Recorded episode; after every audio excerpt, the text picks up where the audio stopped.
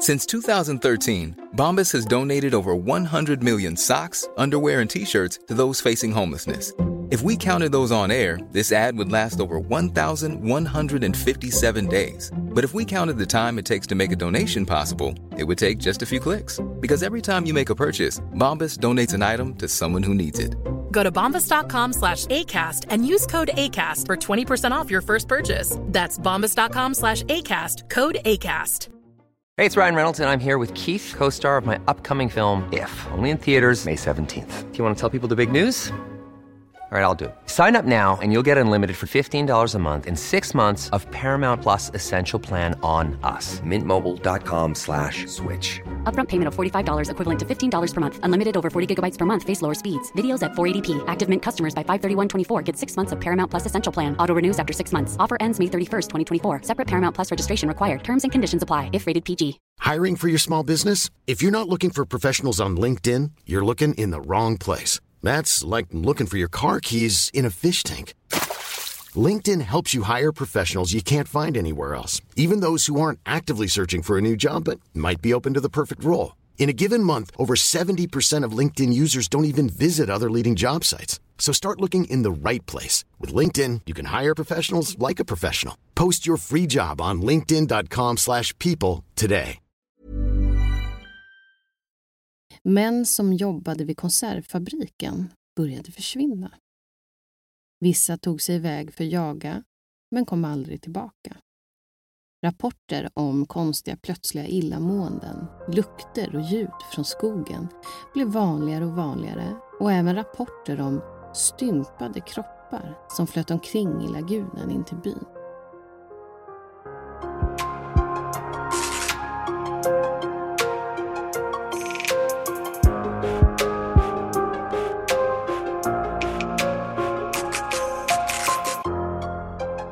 Hej och välkomna tillbaka till Söndagsmysteriet avsnitt 39. Ja, men välkomna tillbaka. Sista avsnittet på den här säsongen. Lite försenat, men eh, ja, tyvärr av, eh, vad säger vi, naturliga sjukdomsskäl. Ja, det blev Ja. ju så. Vi är ju alltid liksom det sista avsnittet lite efter och så ska vi spela in det och så, så blir det någon sjuk och sen så blir den andra sjuk och sen så, ja det blir ju och sen så när vi väl ska så Och sen är familjen sjuk. Ja, och så Ja. kommer annat i vägen som man har planerat. Så det är svårt att få ihop det. Men nu äntligen så sitter vi ju här och ska spela in ett Mm. väldigt spännande avsnitt. Ja, men det här känns jättekul. Eh, särskilt i och med... Ja, vi, vi tar det sen. Men eh, det är ett kul ämne och jag har ju fått titta på en hel del olika dokumentärer. Det har varit mysigt under julen Mm. när man har varit sjuk. Det finns ju väldigt mycket på Discovery kring det här i alla fall. Och vi ska ju prata om, som eh, titeln säkerligen avslöjar, Alaska-triangeln. Och här händer det ju mycket. Mm. ja, men det här är ju jättespännande för jag hade ju inte riktigt hört talas om det här innan heller. Alltså, jag, jag vet att vi pratade ju om det här för typ ett halvår sedan. När vi tänkte att nu ska vi planera vår, eh, vår säsong. Eh, och då kom vi in på det här. Jag hade inte hört så mycket om det här. Nej, jag skulle inte säga att jag heller har hört så mycket om det och jag vet inte riktigt vart jag har hört talas om det. För det, är ju inte så känt om man säger generellt sådär, om man säger så här Bermuda-triangeln, det har ju alla hört Nej. talas om. Men eh, Exakt. det här är ju ja, Mm. lite mera, Jag har ju alltid varit fascinerad också av det området och Alaska och eh, ja, men miljön, naturen. Och det här att det är ett så himla stort område. Det gör det ju lite extra ja, intressant. Ja, eller hur? Jag tänker det är samma sak, lite de här eh, så de stora parkerna i USA. Eller mitt i inlandet också om du tittar. Det är, det är ju sådana ytor Mm. där det inte rör sig så mycket folk. Vem vet vad som händer där? För att om det är någonstans det händer saker så känns det ju som att det är på sådana här områden. Mm. Jag tänker att vi kör på. Du kan väl berätta lite mer om Alaska-triangeln? Absolut.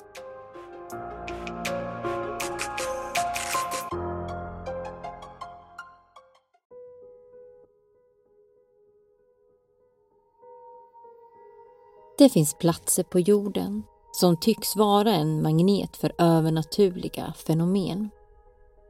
På de här platserna så pratas oftast inte bara om en företeelse utan här inträffar allt ifrån märkliga ljus på himlen, varelser som gömmer sig i skogarna eller i haven och mystiska försvinnanden av människor.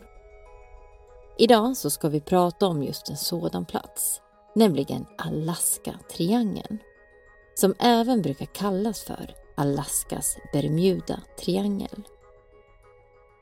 Det här är ett avlägset område i den orörda vildmarken av The Frontier State. Det triangulära området förbinder delstatens största stad, Anchorage i söder, med Juneau i sydöst och sträcker sig upp till Barrow, en liten stad vid delstatens norra kust. Alaska är till ytan USAs största delstat och ligger belägen i den nordvästra änden av den nordamerikanska kontinenten. Delstaten är känd för sin storslagna natur med bergskedjor, glaciärer, skogar och fjordar och sina betydande oljeresurser.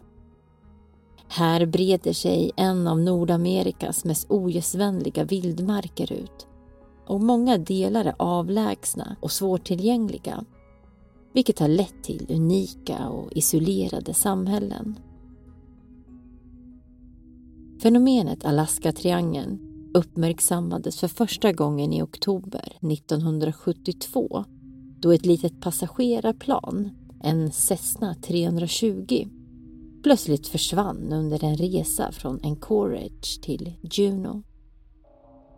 Ombord på planet så fanns den framstående kongressmannen Hale Boggs, Alaskas eh, kongressledamot Nick Baggish, medarbetaren Russell Brown och piloten Don Johns. Trots flera intensiva sökningar som pågick i 39 dagar över ett område på över 80 000 kvadratkilometer så hittades varken planet eller dess passagerare någonsin. Det är nu som man börjar uppmärksamma på riktigt de ovanliga händelserna som sker i vissa områden av Alaska. Sedan 1988 så uppskattar man att över 16 000 människor ska ha försvunnit. Vilket är en chockerande hög andel med tanke på hur glesbefolkat det är. Varje år försvinner 500 till 2000 personer spårlöst i delstaten. Och majoriteten i det här triangulära området. Alaska har det klart högsta antalet försvunna personer med ett genomsnitt på 173,54 per 100 000 jämfört med resten av landet som har ett genomsnitt på 6,5 personer per 100 000 enligt World Population Review. Näst högsta delstat när det gäller försvunna personer är Hawaii med 16,68. Kalifornien har det högsta antalet försvunna personer men har endast ett genomsnitt på 8,4. De som inkluderas i de här siffrorna är försvunna personer vars nuvarande vistelseort är okänd för familj, vänner och arbetsgivare ej identifierade avlidna individer vars identiteter är okända samt avlidna individer vars identiteter är kända men för vilka ingen närmaste anhörig har lokaliserats för att ta emot deras fysiska kvarlevor. Den här markanta skillnaden mellan Alaska och övriga USA har ju såklart gjort att det har börjat spekuleras både vilt och brett om orsaken till det här. Är det bara naturen själv? För den här ogästvänliga terrängen den består av täta skogar, branta bergstopp, massiva glaciärer, gömda grottor och djupa sprickor. Området är också fyllt av vilda djur och vädret är ofta oförlåtande och besvärligt. Men ändå så många fler försvinnanden än övriga landet. Och vissa händelser och försvinnanden är så märkliga och oförståeliga att det kanske inte kommer som en chock att det har spekulerats i att anledningen till vissa av de här oförklarliga försvinnanden kan vara av en mer övernaturlig karaktär.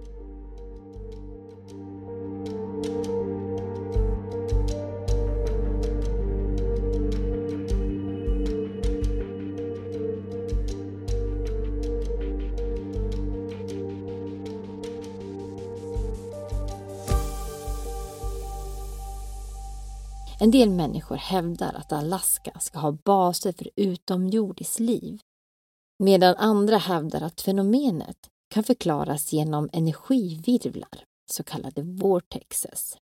Man säger att de här vortexes roterar moturs och påstås ha negativa effekter.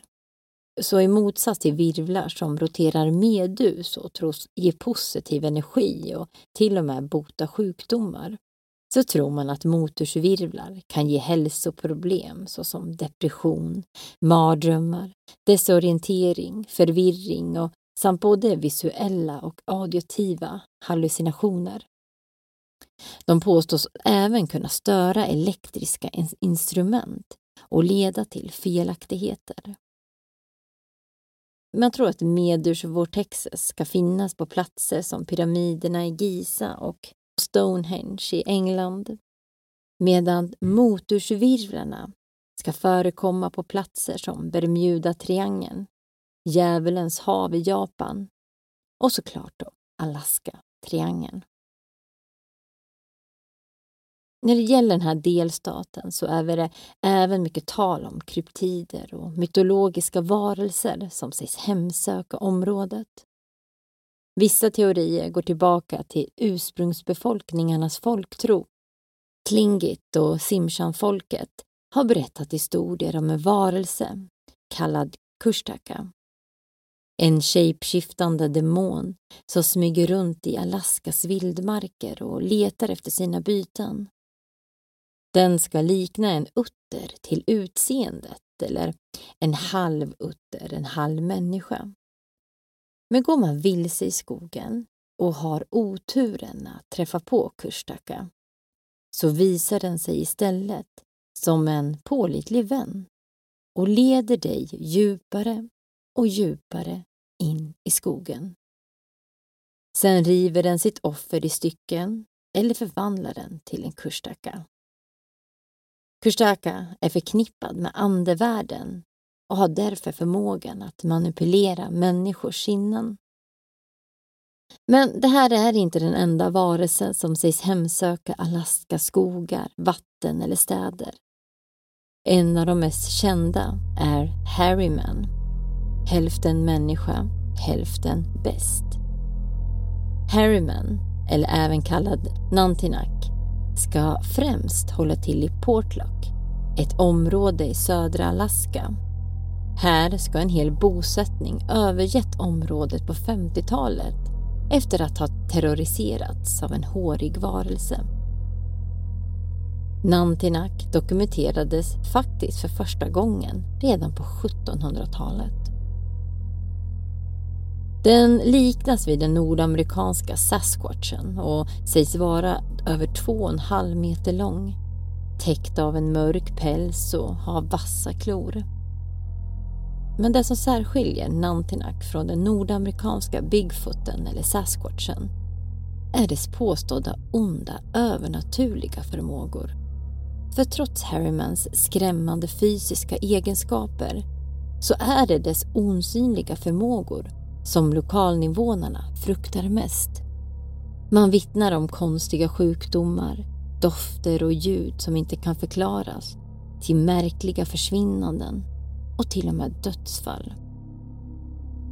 I början av 1900-talet så dokumenterade bosättningen i Portlock ett ovanligt högt antal försvinnanden, katastrofer och dödsfall som resulterade i att befolkningen till slut ska ha övergivit området. När vi nu började titta på det här ämnet, Alaska-triangeln, så insåg ju vi att det här var ju väldigt stort. Det finns så många delar av det och så många spännande berättelser och händelser så att det är svårt att täcka in allt i ett enda avsnitt. Så istället så tänkte vi att vi delar upp det här lite och kanske gör det till en serie där vi tar upp olika delar eh, vid olika tillfällen. Men i det här avsnittet så kommer vi att lägga vårt fokus på spökstaden Portlock. En stad som runt 50-talet övergavs efter en rad oförklarliga händelser.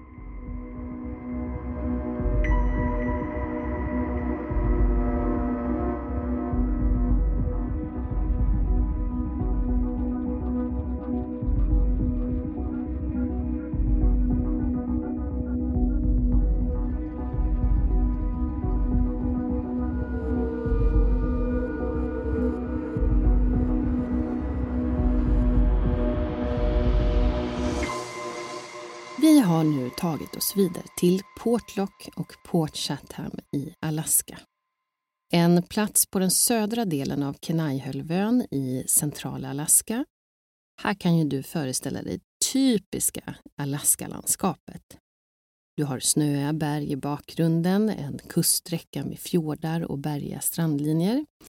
Ett område med ett varierande klimat, men kanske lite mildare temperatur än vad vi ser på inlandet. På kartan ligger det i utkanten av ingenting. Några små öar precis utanför, men annars inte så mycket alls. Vi är alltså mitt ute i ingenstans. Närmaste stad bredvid är Seldovia med 300 invånare och närmare andra mindre samhällen som Nanvalek och Port Graham. Men det finns varken några vägar in eller ut utan det här stället kan bara nås av båt eller flygplan. Även idag är det svårt att ta sig omkring här, så tänk dig då hur det var förr i tiden. Hur begränsad man var att utforska landområdet runt omkring. Människor utifrån regionen använder oftast Port Chatham och Portlock som samma ställe. Men det stämmer inte riktigt. Och vi tror att vi har hittat rätt till slut. Att Portlock ligger i Port Chatham Bay och precis intill så ligger ett ställe som heter Port Chatham. Det är väldigt lika varandra. Men det finns massor av ställen också i Alaska med port. Eh, mycket för att det kräver mycket hamnar när man ska ta sig omkring här i och med att landområdet inte är så lättillgängligt. Och det kan också förvirra. Men det här lilla samhället som vi då nämner Portlock idag är övergivet. Ett fullt fungerande och blomstrande samhälle som har ryckts upp och lämnat. För många i området så är inte flykten från staden på grund av felande affärer och industri, utan det handlar om något helt annat. Så nu, i dagens avsnitt, kommer vi berätta om Portlock, så får vi se vad ni tror.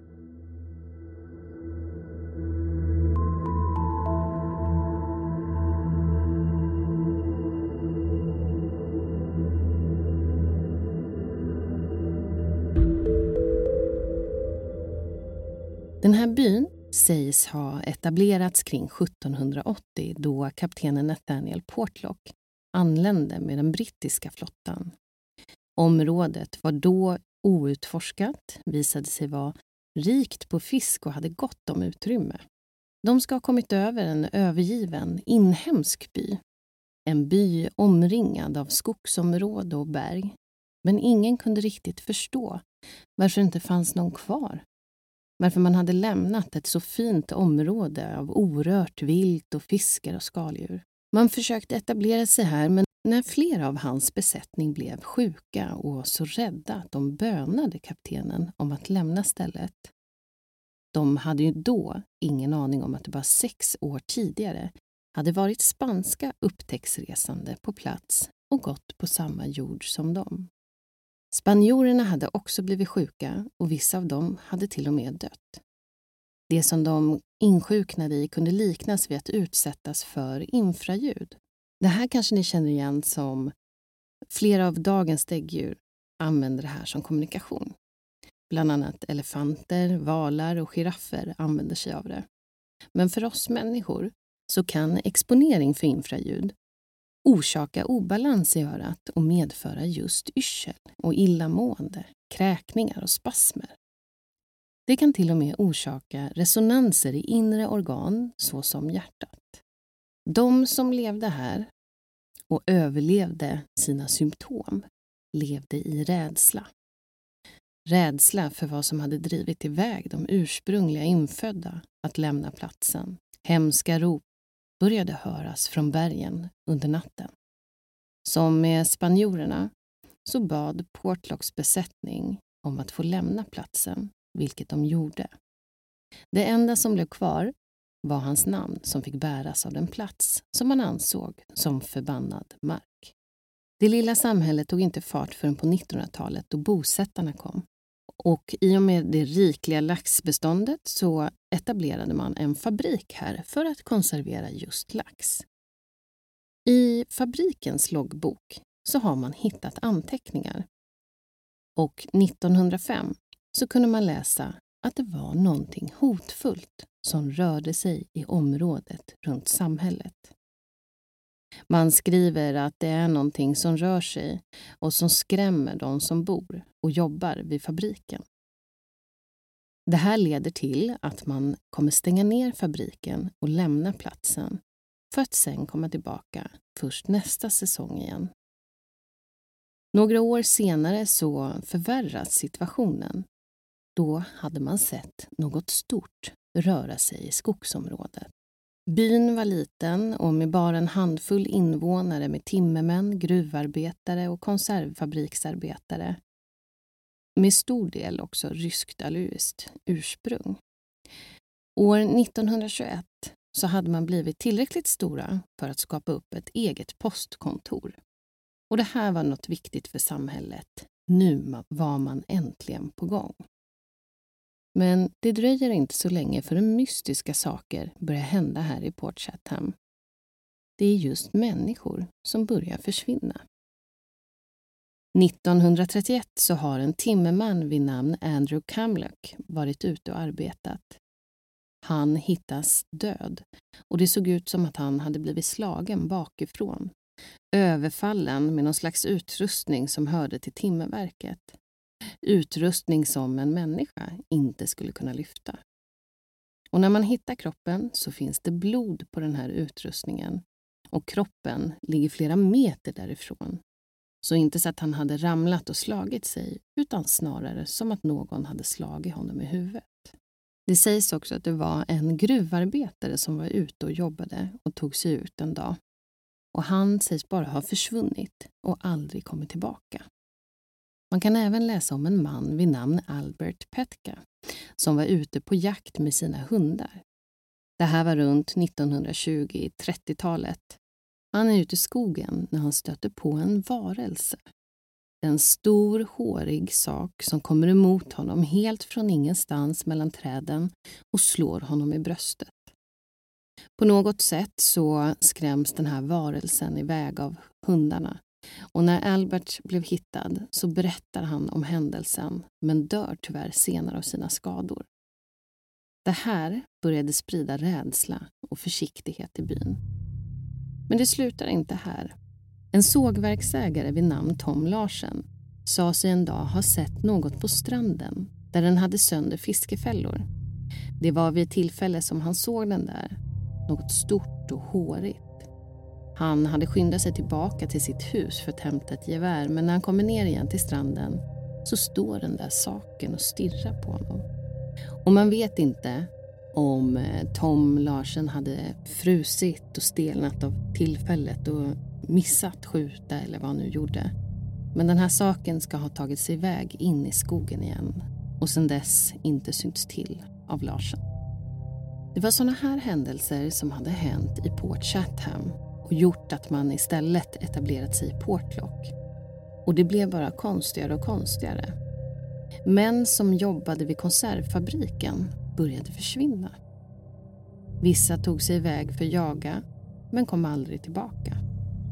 Rapporter om konstiga plötsliga illamåenden, lukter och ljud från skogen blev vanligare och vanligare och även rapporter om stympade kroppar som flöt omkring i lagunen in till byn. Jägare som varit ute i skogsområdet och jagat älg skulle komma och hitta jättelika människoliknande fotavtryck. Det var några som hade sett hur det fanns älgspår i snön men också just de här stora människoliknande fotavtrycken. Sen har det blivit som en kamp i snön och så plötsligt upphör spåren. Det enda som fanns kvar var de jättelika avtrycken som ledde tillbaka genom skogen mot bergen. Alltså inga älgspår, utan som att något gigantiskt tagit sig en älg, bara sådär.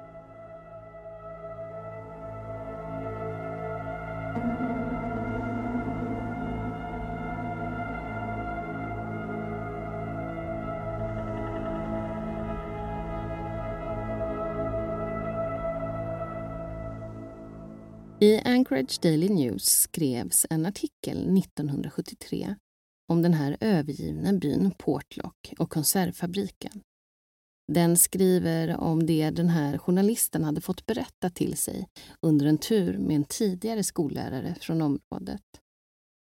Enligt läraren så var det i början av andra världskriget som det började hända saker även här.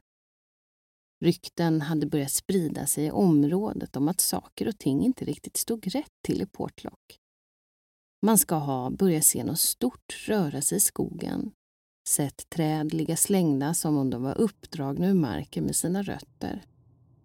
Det rapporterades om hur män gick upp i skogen för att jaga men kom aldrig tillbaka.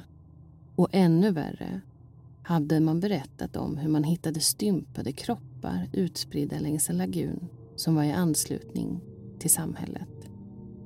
Kropparna var slitna i tu på ett sätt som man inte kunde förklara.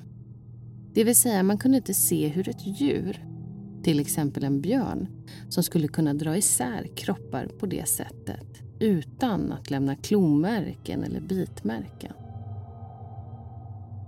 Som folket i Port Chatham så kommer även folket i Portlock att lämna byn. De lämnar allt 1950 för att fly till en annan bosättning. De tar sig till Nanvalek och kommer inte komma tillbaka. Än idag så står de tidigare blomstrande samhällena tomma och övergivna. De här händelserna i Portlock skedde för länge sedan och det finns idag inte jättemånga kvarlevande från den tiden. Men det var en Melania Kell som blev intervjuad av Naomi Clauda för Homer Tribune i oktober 2009. Hon var en av de äldsta kvarlevande i Nanvalek. Hon föddes i Port Chatham 1934 och kommer ihåg allt om hur och varför byn flydde till Nanvalek. Allting för att fly Nantinak vid 1951 hade postkontoret stängt och det var ingen som ville åka tillbaks. Det finns en kvinna vid namn Virginia Moonin som säger i en intervju att hon vid ett tillfälle år 1978 fiskade vid vattenfallet i området, lyfte blicken och såg något. Hennes ben började skaka och hon började springa. När hon springer genom skogen så hör hon hur det rasslar bakom henne. Någonting som håller jämna steg med henne. Lukten som började lägga sig över henne var så hemsk att hon fick kvällningar. En lukt som följt henne genom livet. Men det här säger ju också något om att det fortfarande händer saker i området även om man lämnade Portlock redan 1950. Så vad hände egentligen i Portlock, Alaska.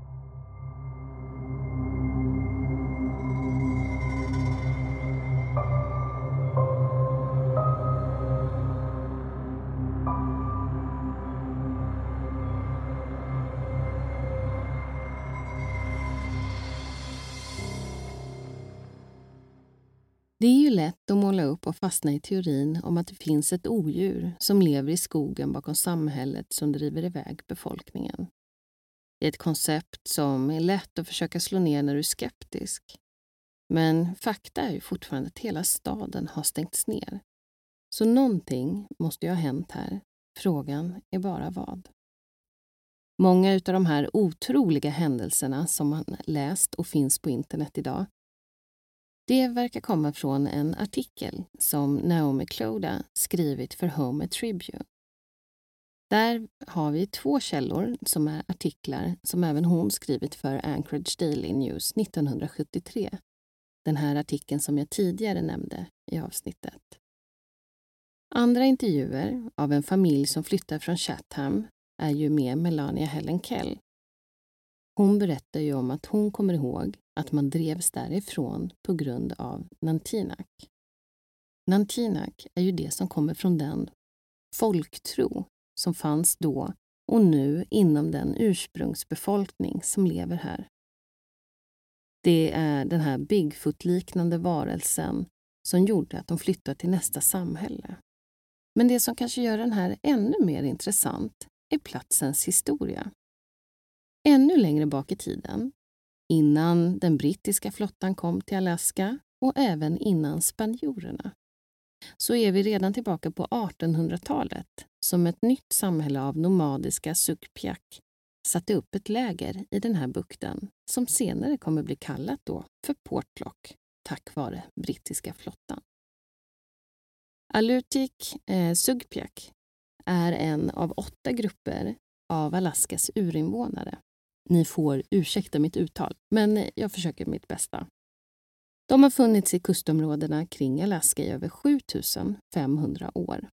Här har de levt och jagat havens djur, men det dröjde inte länge innan de ska ha attackerats av vad de beskrev som kannibaljättar som plundrade byn. Ibland varje natt. De kämpade mot något omänskligt som de aldrig hade mött förut. De döpte jättarna till Nantinak, eller den hårige mannen. Till en början så kämpade folket och vägrade ge upp sina hem, men när månaderna blev till år och attackerna aldrig upphörde, när det blev ont om vilt i skogarna, så kom jättarna. Så till slut gav man upp och gav sig av från byn. Och följt av det så är det först i början på 1900-talet som den ryska lutiska befolkningen kommer och intresserar sig av området och bosätter sig där. Det som även sades om deras bosättning var att man redan då hade ett strängt utegångsförbud. Beväpnade nattvakter som patrullerade framför allt runt om skolan och konservfabriken. Och när dimman kom fick absolut ingen ta sig ut, för då var skogen farligare än någonsin. Om man ser mer till nutiden så har det här blivit ett ganska stort intresseområde. Mycket också tack vare det just Alaska Triangle. Här finns det olika serier idag där man kan gotta in sig i detaljerna kring det här. Vi har bland annat en Alaska Triangle-serie på Discovery med The Harryman of Port Chatham. Här börjar man sin start i Port Homer, vägens ände som man kallar det. Här färdas man bara med båt ifrån och de tar sig ner till Port Chatham. Stephen Major, som leder expeditionen, säger sig själv ha sett den här Harryman. Något som kikade fram bakom några träd. En stor, tvåfotad, hårig bäst. Han blev chockad vid tillfället, för han var inte alls förberedd att få se den. Och nu, i den här serien, ger han sig ut på en expedition för att fånga mer bevis. Dr. Robert Alley har forskat i några av händelserna som utspelats här i Port Chatham. Och i serien så får han se ett foto från expeditionen som han tittar på och analyserar. Han avfärdar det här spåret som ett björnspår utan tycker att det mera liknar som ett Bigfoot eller Sasquatch-spår för att det har en viss form kring hälen och tårna. När de här deltagarna av expeditionen är ute och går i skogen så ser plötsligt någon av dem att det rör sig längre fram. Något stort och hårigt. Självklart finns det inga kamerabilder eller foton på det här så vem vet vad de såg där ute under sin expedition. Dr. Robert Alley väcker tanken om att det kanske finns en förklaring kring hela det här fenomenet. Just för hypnotisering med infraljud, som till exempel tigrar gör med sina byten. Kan den här varelsen här ute funka på samma sätt? En annan sak som de lyfter i en sån här serie är att det finns en händelse som skedde 2015 på Alaska så finns det många forskare till och från och bland annat så finns det Alaska Earthquake Center som en gång plockade upp signaler som de inte kunde förklara. Mätningarna visade att det rörde sig i marken men det var någonting som inte stämde. De vet hur en jordbävning ser ut och det här var något helt annat. De var tvungna att ta sig ut för att titta till utrustningen och seismografiska utrustningen visade sig ha blivit förstörd av något eller någon. Men vad för djur eller människa skulle kunna få marken att skaka på ett sådant sätt? En annan serie som finns där ute att titta på är Killer Bigfoot Alaska. Ett team varav flera som har rötter i befolkningen som lämnade Portlock. De har tagit på sig ett uppdrag att ta sig tillbaka för en expedition det är nämligen så att man numera skulle vilja ta sig tillbaka och överta Portlock igen för att kanske starta upp ett nytt liv. Men man vågar ännu inte, just på grund av Nantinak. När det här teamet har kommit till Portlock så står de nere vid strandkanten efter att ha hittat utrustning från den gamla konservfabriken. Så hör de plötsligt hur det klonkar något från en avsats inåt skogen. Som att någon bankar på något. Sen ser de rörelse i träden. De börjar svaja starkt fram och tillbaka. Vem vet? Kanske det är något där. Kanske inte. I de här olika dokumentärserierna som finns där ute så kommer man ju aldrig fram kanske med några riktigt konkreta bevis. Mer än, ja, en sak är ju för sig lite lustig. De sätter upp som små kameror man använder vid jakt. De här brukar aktiveras vid rörelse i skogen. De sätts upp på lite olika ställen i området. Men när de sen ska titta på resultaten så märker de några konstiga saker. De här kamerorna, en efter en, slutar att fungera. Det är som att de laddar ur extra snabbt. Något som ingen av dem tidigare har varit med om överhuvudtaget. Det är som att kamerorna först visar normala bilder. Men den sista bilden är som att den flimrar till innan kameran dör. Ja, kanske finns det något där ute. I bergen, i grottor, i skogen, i det mörka och tomma. Något som rör sig omkring oss och vill behålla sitt eget område för sig själv. Visst är det lite nervkittlande att tänka på det? Att det finns något där ute. Men vem vet? Tills vidare så får vi leva ovetandes, utan konkreta bevis. Så får vi se om man vågar ta tillbaka Portlock igen.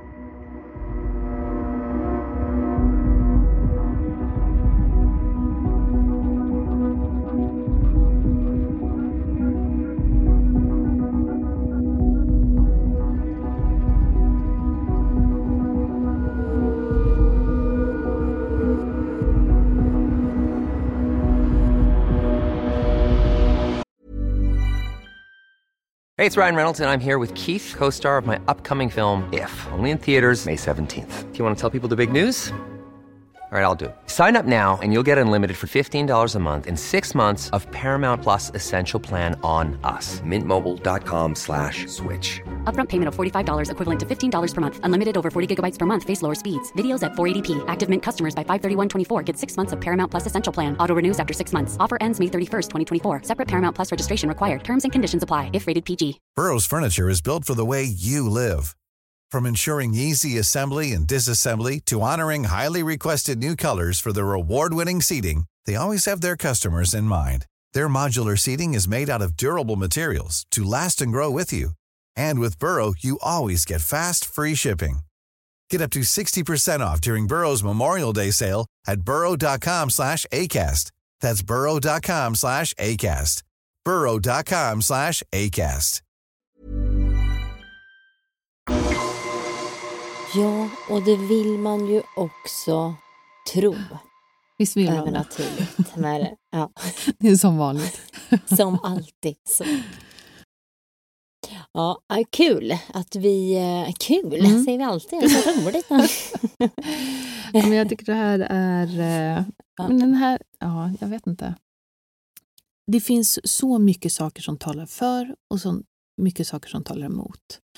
Det här är ju så himla mycket mot vad man själv kanske har för ja, men, tro och hur skeptisk man är mot sådana här saker. Mm. Det är ju liksom må, många av de här fallen som sägs ha skett här, om man tittar på det här som sägs då ha hänt i Portlock med att ja, men jägare har försvunnit och de här kropparna har börjat liksom hittas här och var eh, styckade på sätt som liksom man inte kan förklara. Eh, Mm. det har ju liksom hamnat över hela internet. Någonstans kanske de kryddas, kanske inte. Är det fakta eller påståenden? Liksom, vart kan det här egentligen ha Mm. kommit ifrån? Och vad, Så ja, alltså att man har hittat eh, kroppar, mm. eh, det vet man alltså inte att det verkligen har skett så.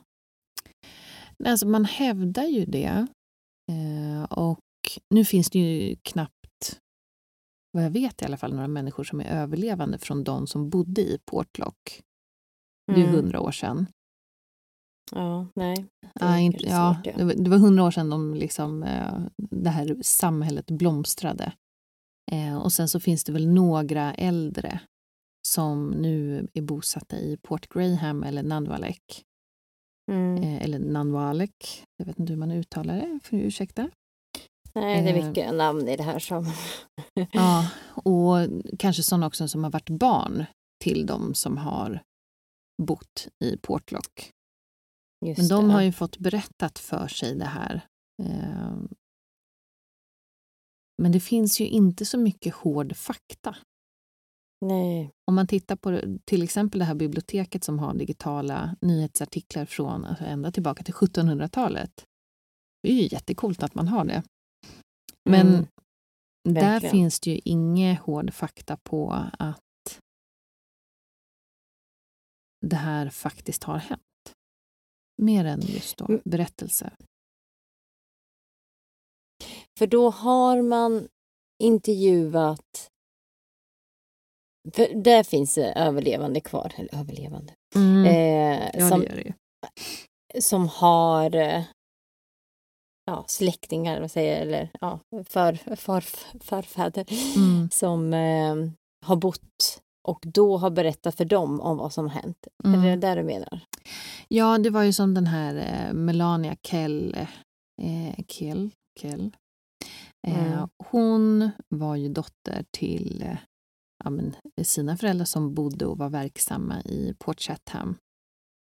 Och hon säger hur hon kommer ihåg varför man flydde till Nanwalek.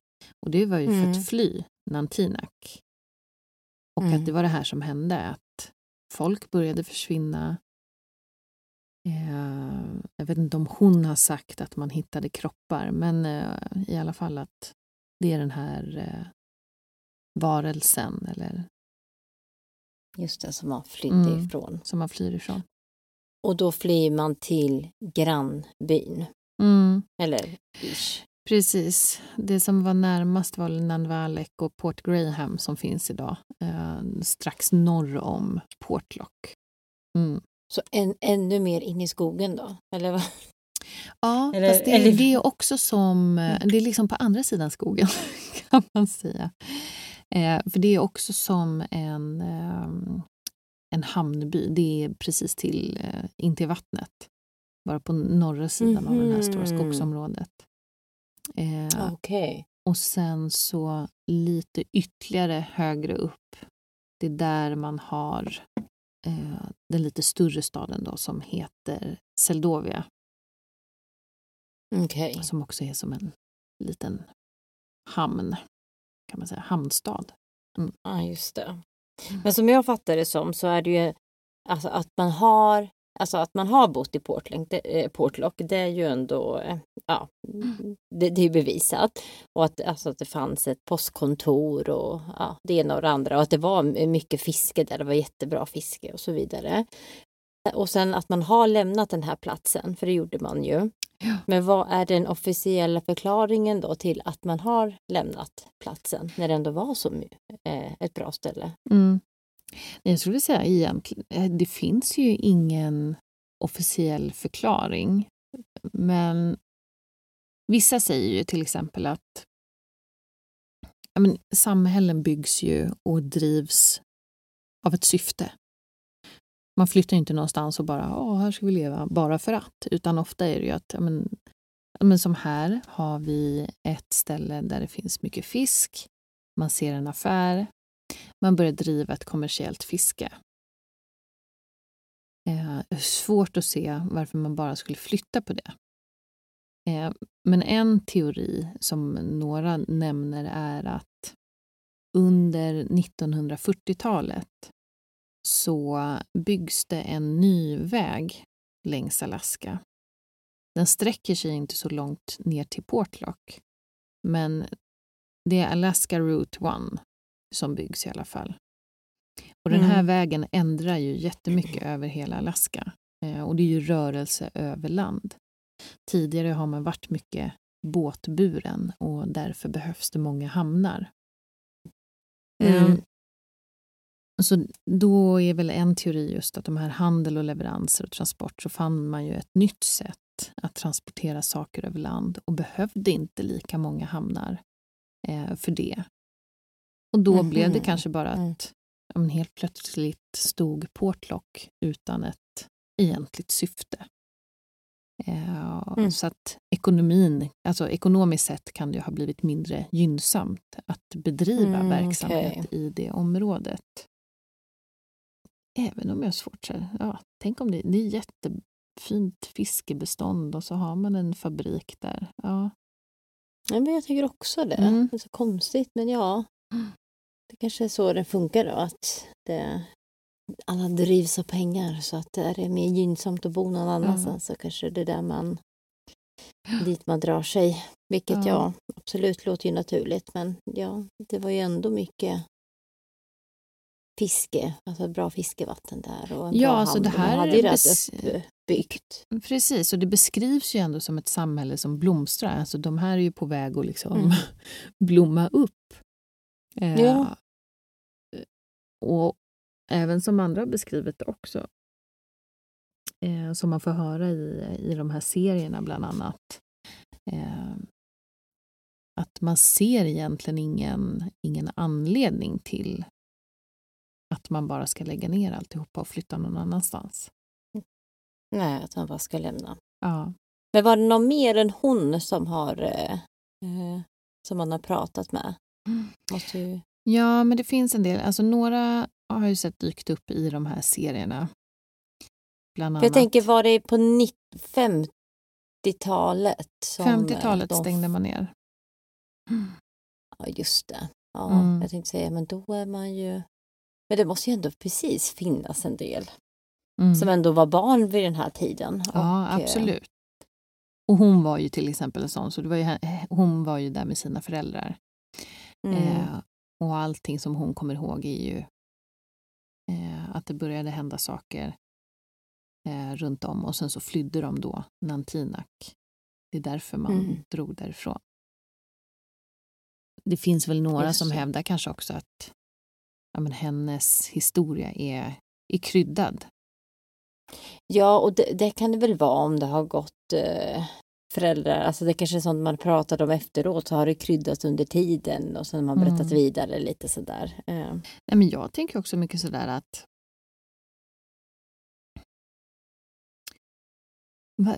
som jag tror jag nämnde att varför flyttar man inte längre bort?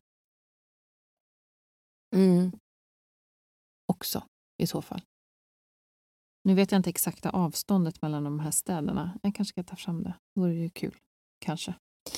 Men och vad menar du då? För det kan ju av att ifall det, att de fly, flyr på grund av den här nan, Nantinak, Mm. Nantinak. Eh, att man inte flyr längre bort, är det där du tänker? Ja, Eller, ja. Ja, det talar ju lite emot skulle jag väl säga i sådana fall. Då. Men man kanske inte hade så jag kan mycket... inte gå och hitta en väg dit. Google Maps. Nej. Kan det ha stämt? Det är 11,5 mil. Kan det stämma? Men då Eller är det miles långt. nu igen? Ja, det är väl miles. Gud, Ja, det har vi ju gjort fel förr. Google Maps i alla fall. MI. Mm. Ja, men det är ju en bit. Men å andra sidan, Nanvalek på den tiden kanske också var ett liksom, välfungerande samhälle. De kanske visste hur det var där. De kanske inte hade samma upplevelse där, så då ser man det som en trygg, trygg plats att ta sig till, kanske.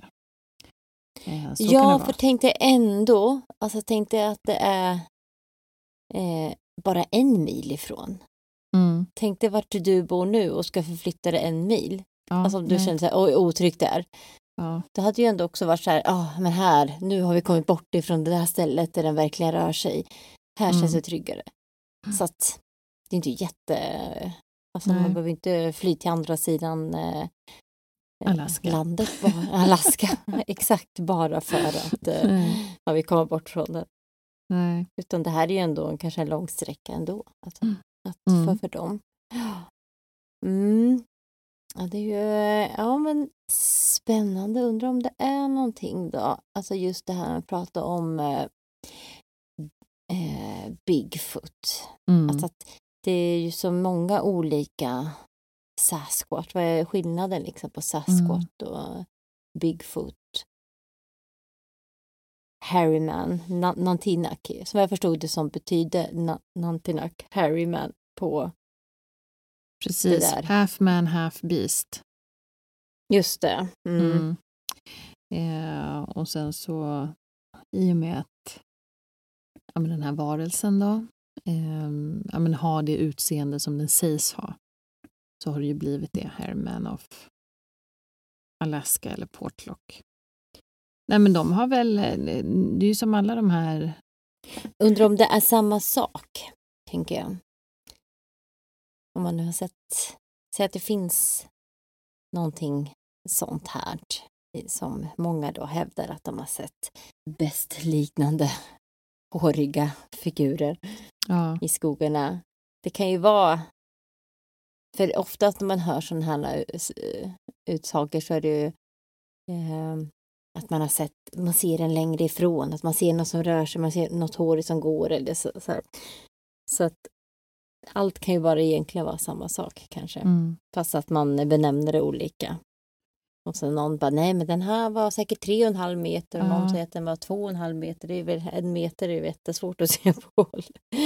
ja men jag tror att det, det är väl bara några så små saker tror jag som kanske skiljer sig. Det är väl liksom beroende på vad, vad legenderna eller historierna eh, berättar Mm. kring dem. Ja. Ja, en sak här som de sa ju eh, var ju att eh, skillnaden mellan den klassiska då Bigfoot och eh, den här var just att den ska ha kanske mer övernaturliga krafter Precis. med att den sprider sjukdomar eller sprider Mm. sjukdomar. Mm. Jo, men det går väl lite, lite ihop med det, tänker jag.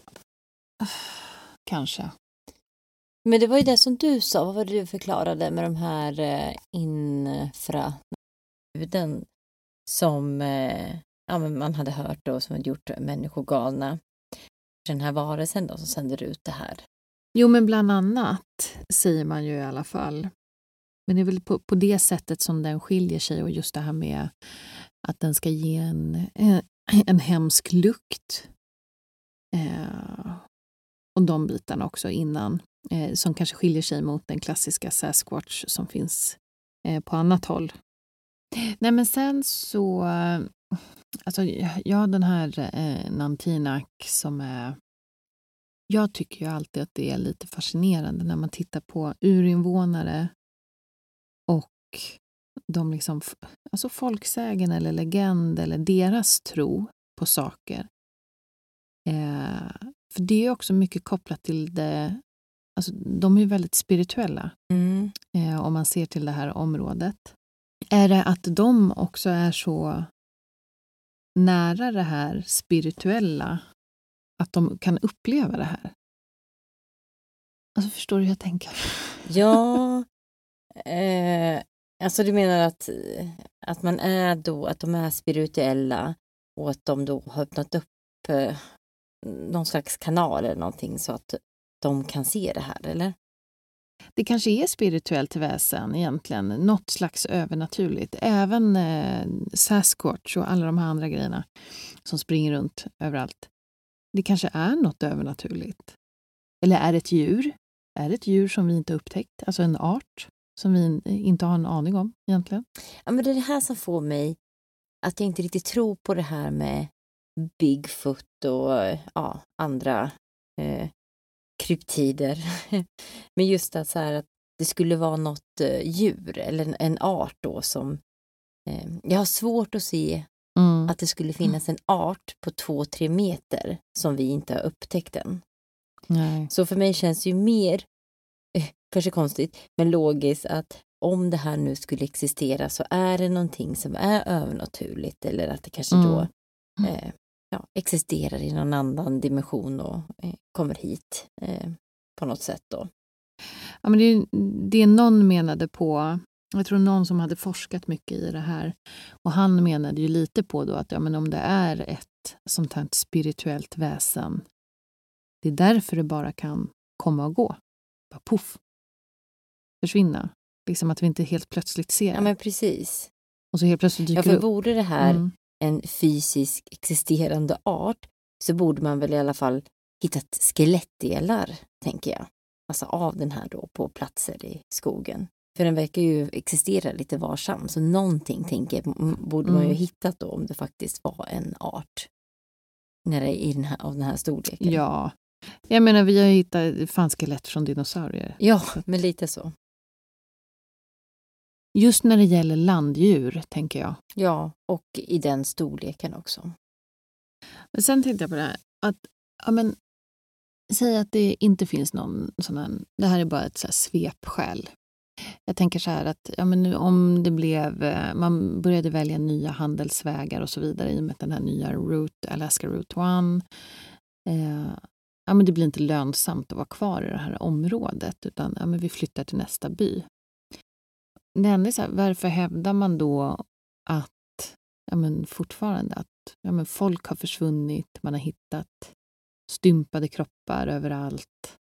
Ja, för hur var det med det där? Alltså hade man hittat någon loggbok av något slag? Precis, det fanns ju i logg... Nu vet jag inte vart det här finns någonstans, alltså fysiska beviset. Men det sägs att i den här konservfabrikens loggbok så ska det stå att man har sett någonting hotfullt i området runt samhället. Så först, först är man ju där. Men sen så stänger man ju ner för att det är någonting som rör sig runt omkring. Så kommer man tillbaka ett år senare, för, eller för nästa säsong. Och då förvärras ju situationen. Ja, spännande. Den där, man hade ju önskat att man kunde hitta den där loggboken och läsa allt som stod i den och se om det verkligen var så. Men eh, ja, de kanske har någonting. Alltså det, uppenbarligen så försvinner det ju många människor i området. Eller ja, i Alaska överlag försvinner ju jättemycket personer. Ja, det är väl, har inte Alaska typ högsta raten? Var det inte så? Eller näst högsta? Men ja, by far. 173,54 per 100 000 invånare. Och näst högsta var då Hawaii på 16,68. Så det är ju jättestor skillnad mellan de två. Ja, det är ju sjukt stor skillnad. Och jag tycker det är så himla intressant det där. Alltså först så när jag eh, kollade runt lite då så hittade jag på en sida, då var att det stod att raten då på Alaska var 46 eller något sånt där liknande. Och det tyckte jag också var jättehögt, med, för då jämförde de med resten av landet där genomsnittet då låg på 6,5 per 100 000 invånare.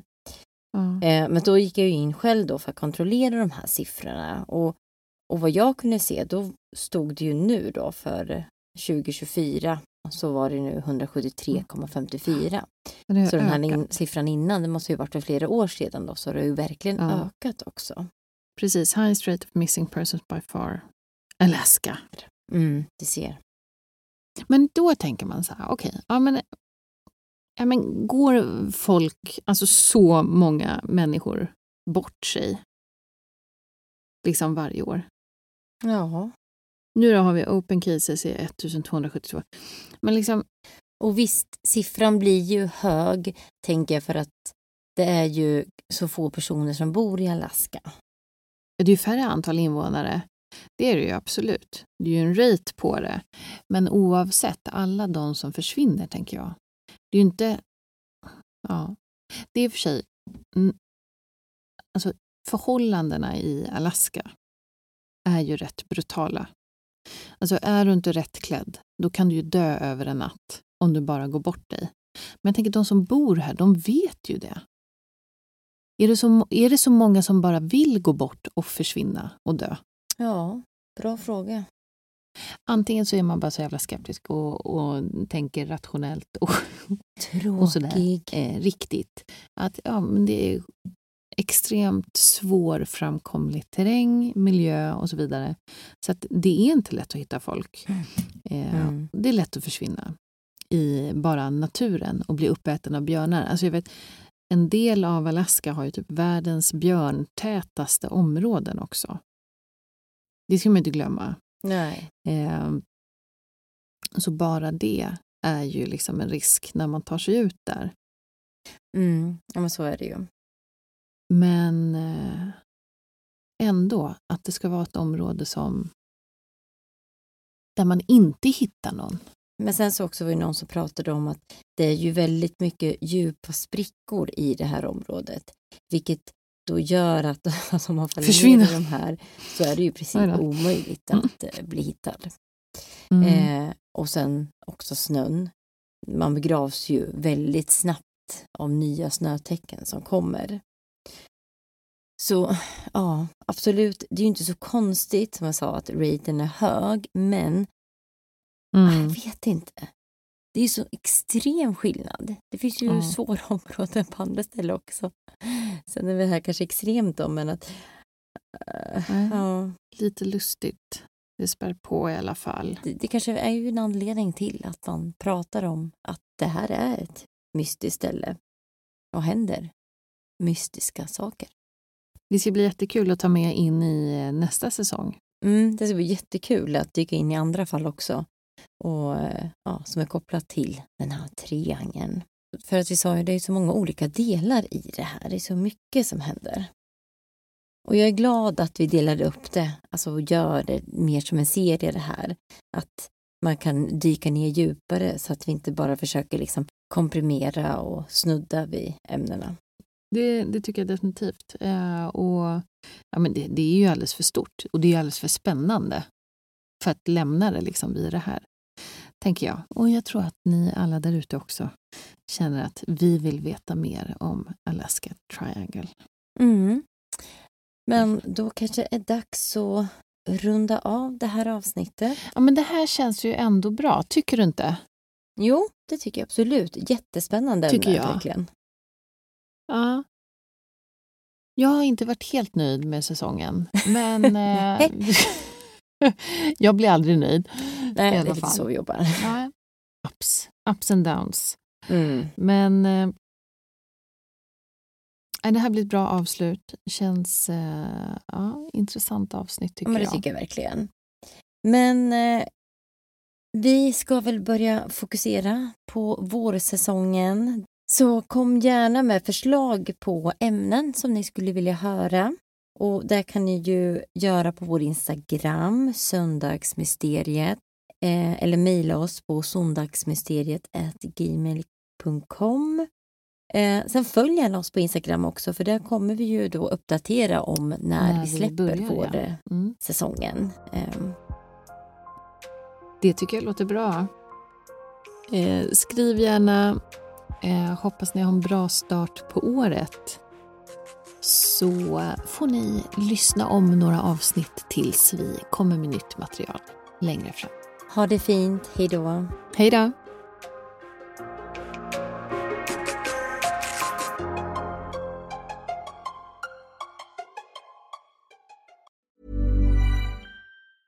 Even when we're on a budget, we still deserve nice things.